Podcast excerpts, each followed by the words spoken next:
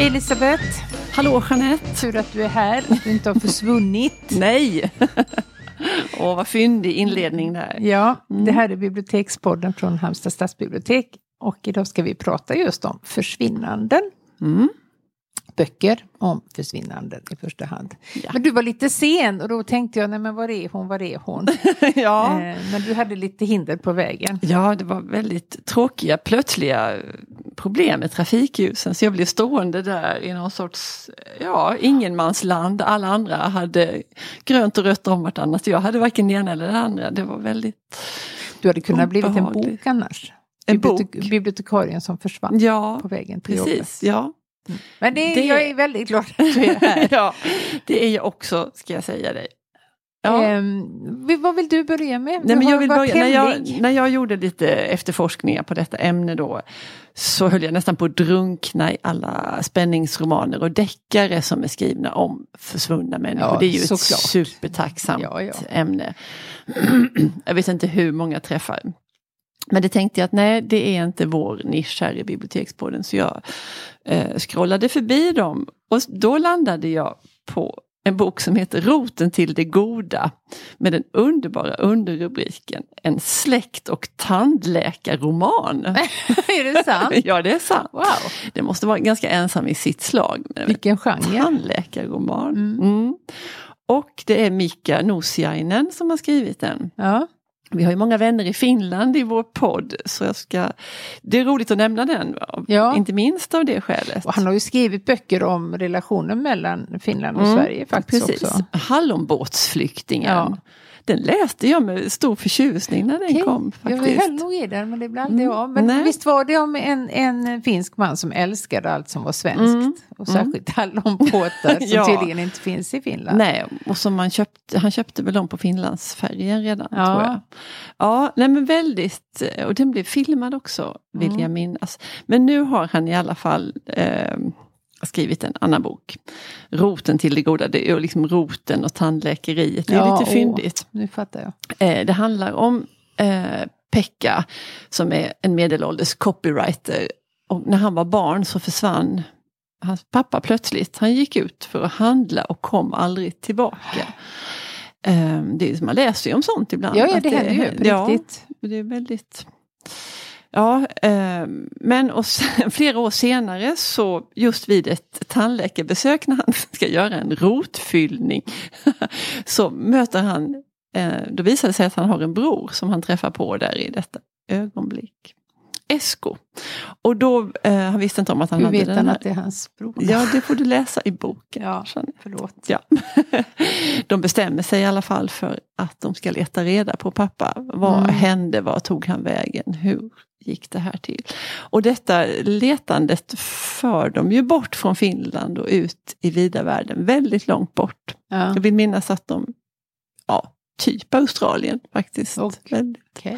avlägset. Men eh, ja, så kan det gå när man ska göra en rotfyllning. Mm. Mm. Otippat. Ja, eller hur?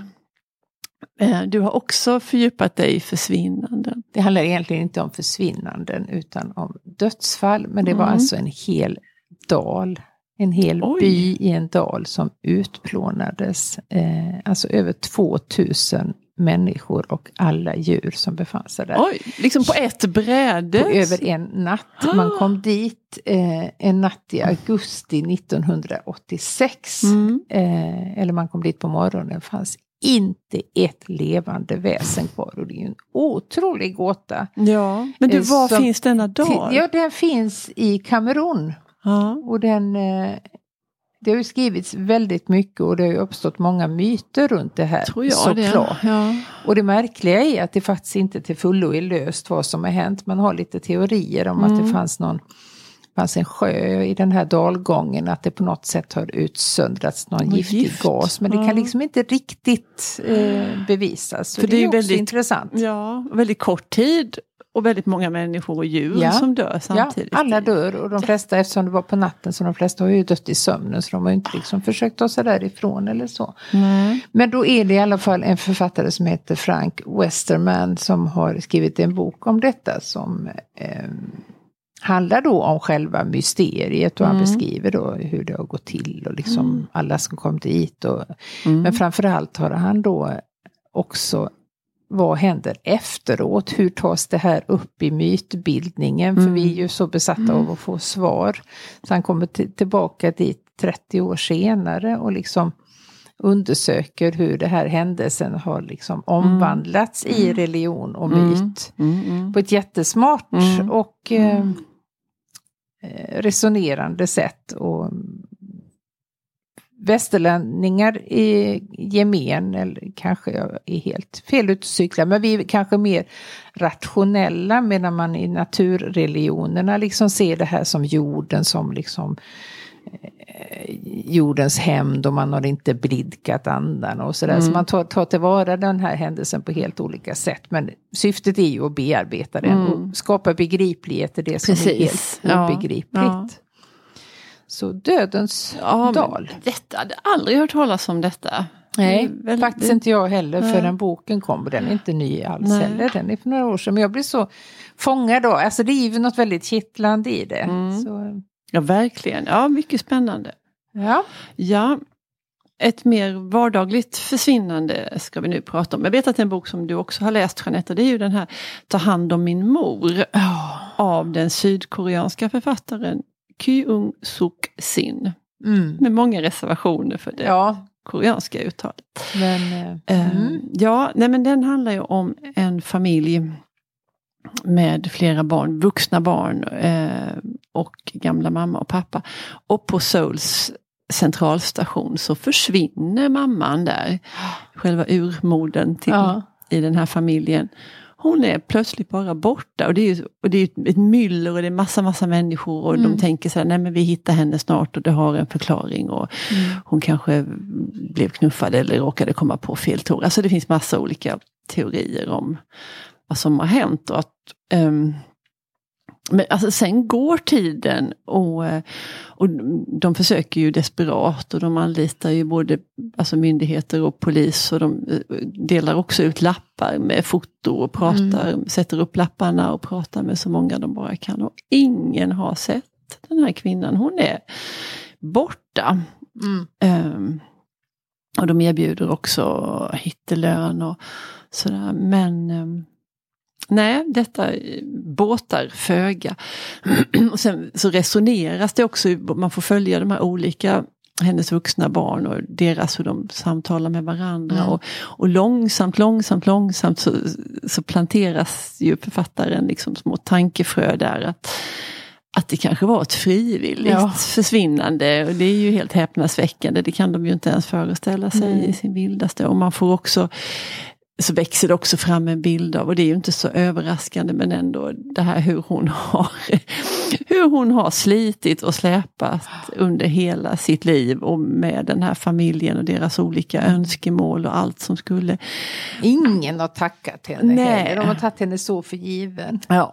Och det är fantastiska beskrivningar där ja. av, av det här evighetsarbetet. Mm. att Uh, att det tar aldrig slut. Och har man lagat en måltid och diskat i ordning efter den så är det banne mig inte långt borta förrän det ska fram ett mellanmål och mm. sen ska middagen och, och, hur det här, och, och, ena dottern minns också ett samtal hon har haft med sin mamma om just där hon faktiskt för ovanlighetens skull blotta den här mm är det inte så att hon faktiskt slår sönder jo. någonting? Hon mm. är så frustrerad mm. så hon slår sönder ganska ja, värdefullt några, skål något krus, eller någonting. någonting, något lerkrus ja. där. Ja. Mm.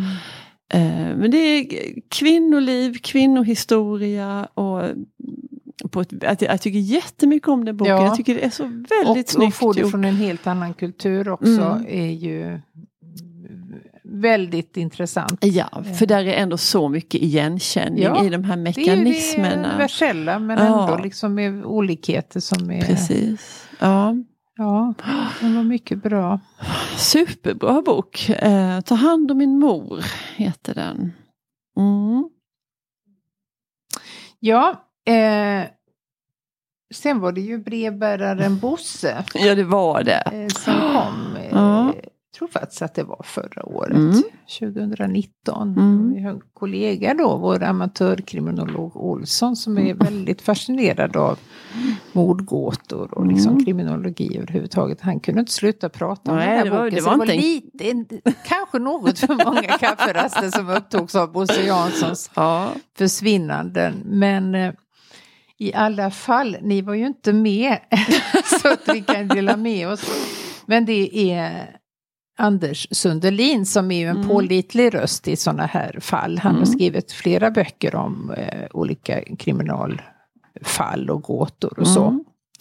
Eh, och det är Bosse Jansson då som var brevbärare, en helt vanlig ung man. I, eh, jag tror inte ens han var fyllda 30. Nej. var, han var runt 25-årsåldern. Mm. Han eh, jobbade på postkontoret Stockholm 4 på Folkungagatan. Det känner vi ju väl till för Folkungagatan oh ja. har vi ju vandrat på Mycket. många gånger. Det är också en sån klassisk eh, liksom, monopolgata. ja, precis. Mm. Du, vilken tid är vi på nu? Det är 1976. Mm. Eh, det var ju en ganska speciell tid eh, med mycket demonstrationer och mycket vänstersympati sympatisörer mm. och liksom det var sådana radikala vänstervindar som blåste i efterdyningarna av 68 och det här.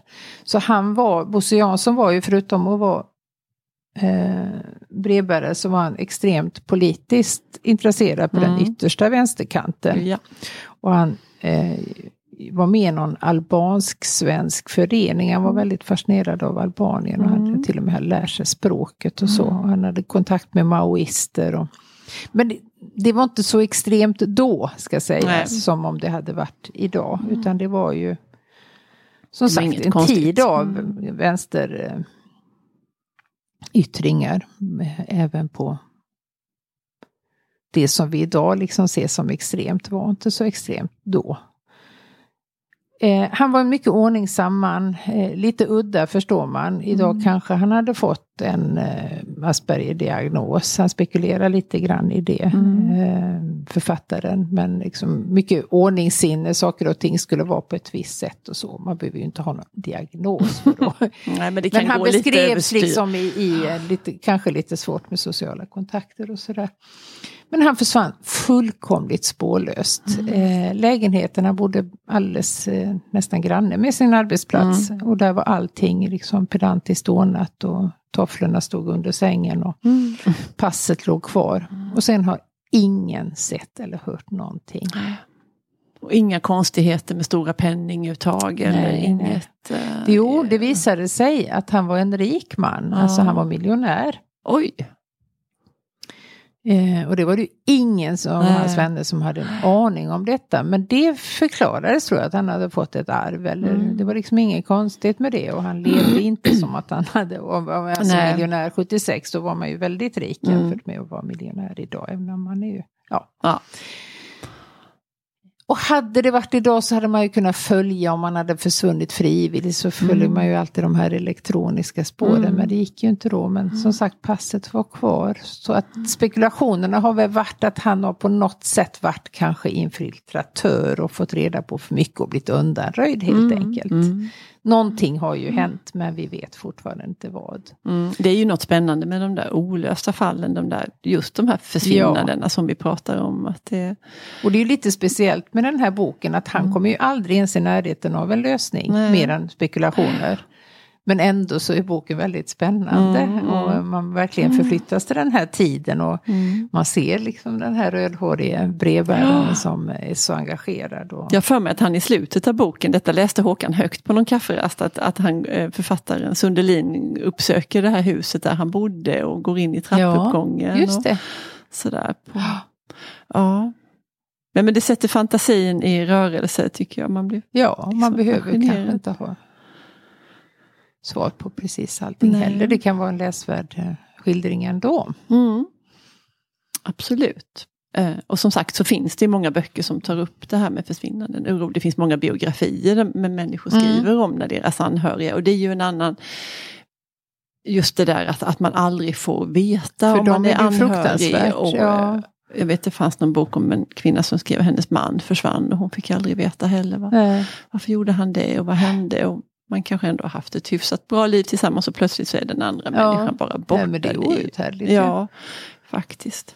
Vi ska runda av lite, jag ska bara säga att, att eh, Patrick Modiano som fick Nobelpriset för flera år sedan. Han har också varit inne på den här, han, hans roman Dora Broder. Mm. Om det nu ska sägas franskt eller tyskt, det vet jag inte. Um, han har skrivit om, om den här flickan. Som, han läste en artikel i en gammal um, dagstidning från 41. Där en judisk 15-årig flicka, hon efterlyses för hon är anmäld saknad och föräldrarna eh, letar efter henne. I Frankrike? Ja, Eller, ja. ja det är i Frankrike. Ja.